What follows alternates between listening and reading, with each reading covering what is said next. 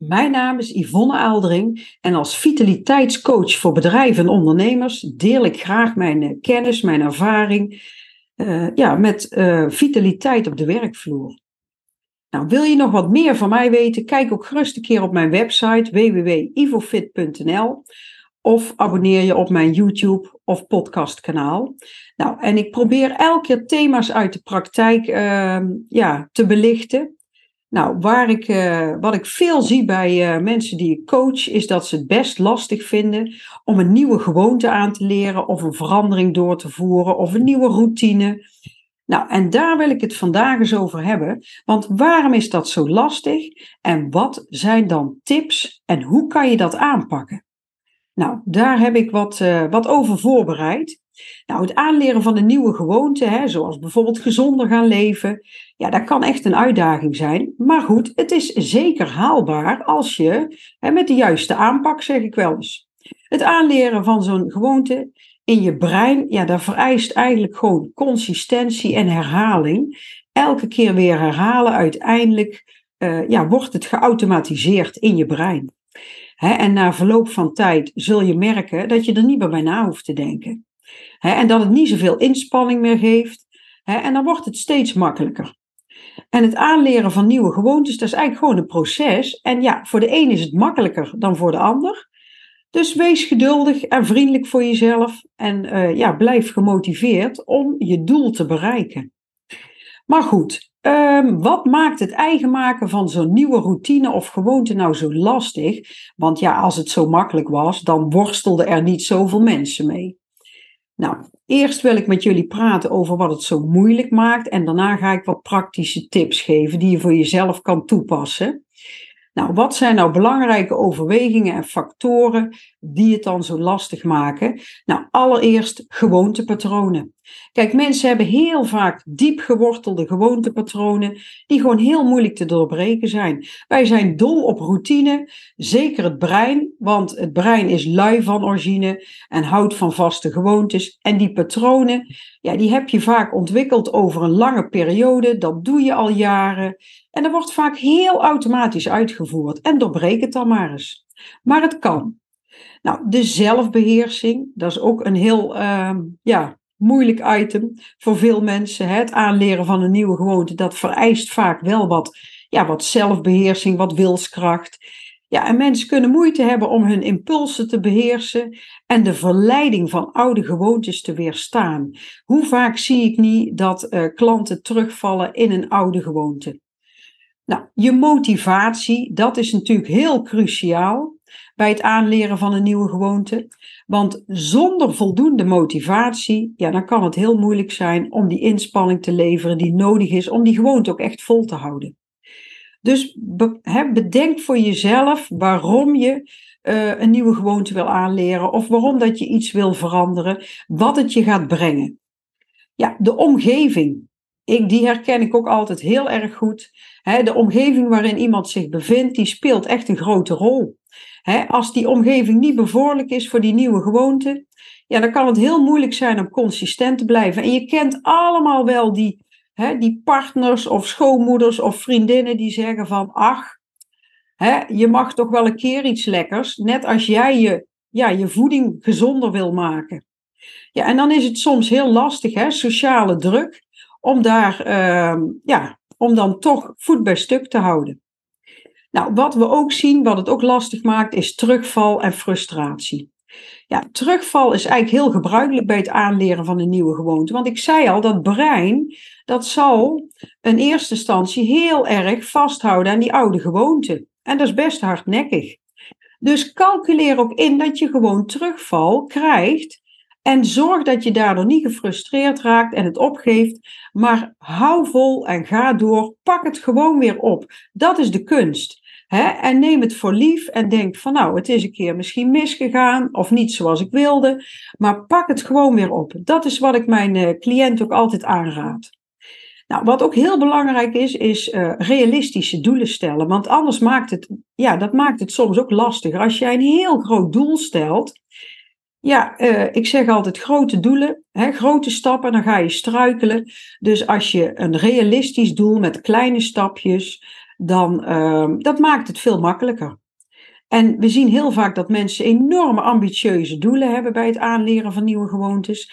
Maar ja, het is eigenlijk veel belangrijker om een haalbaar en realistisch doel te stellen, want dan kan je ook succes gaan boeken. En dan kan je ook, uh, dat maakt het ook makkelijker om door te gaan. Ja, consistentie, dat is natuurlijk wel ook een dingetje voor sommigen. Hè? Het volhouden, het uh, ja, keer op keer toch weer uh, ja, die nieuwe gewoonte toepassen. En dat kost tijd. En uh, mensen zijn vaak ongeduldig. He, ze willen meteen resultaat zien. Ik wil resultaat en wel nu. De meesten die willen in een week tijd willen ze 20 kilo afvallen, bij wijze van spreken. Ja, je moet gewoon reëel zijn en je moet consistent zijn, want met kleine stapjes bereik je uiteindelijk ook je doel.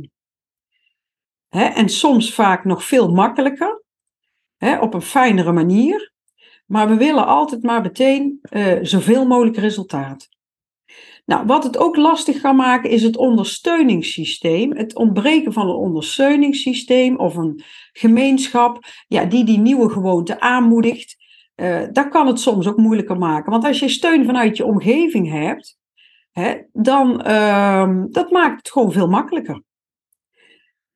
Verwachtingen. Verwachtingen. Sommige mensen verwachten dat het aanleren van een nieuwe gewoonte dat dat snel, moeiteloos, vlekkeloos, hè, op een makkelijke manier gaat. En als ze dan teleurstelling hebben, dan zijn ze verslag. Of dan geven ze op, of dan, uh, hè, dan, dan gebeurt er wat in dat hoofd. Maar um, ja, calculeer in dat dat erbij hoort.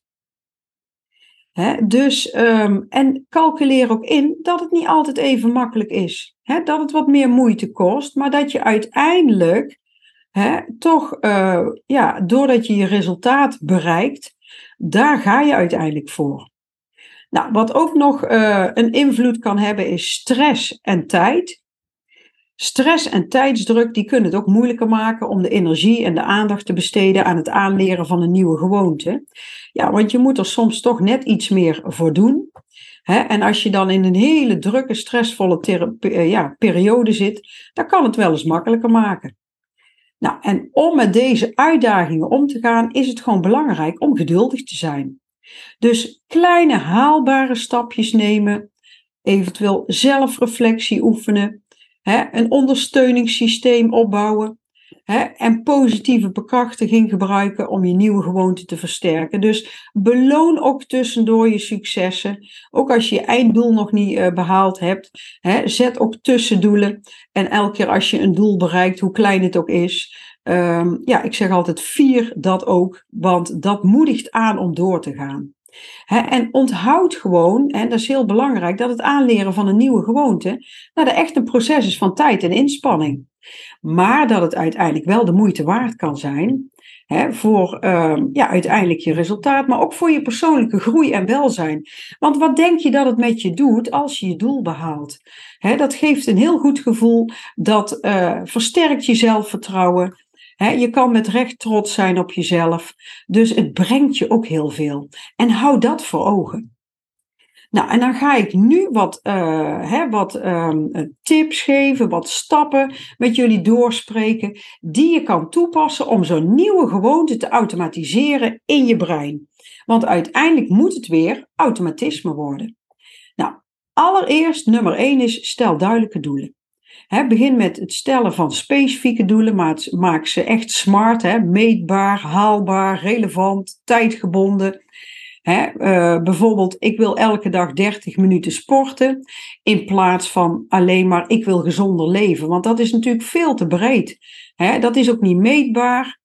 En wat valt daar wel of niet onder? Dus maak het concreet voor jezelf, want dan is het ook veel makkelijker om je eraan te houden.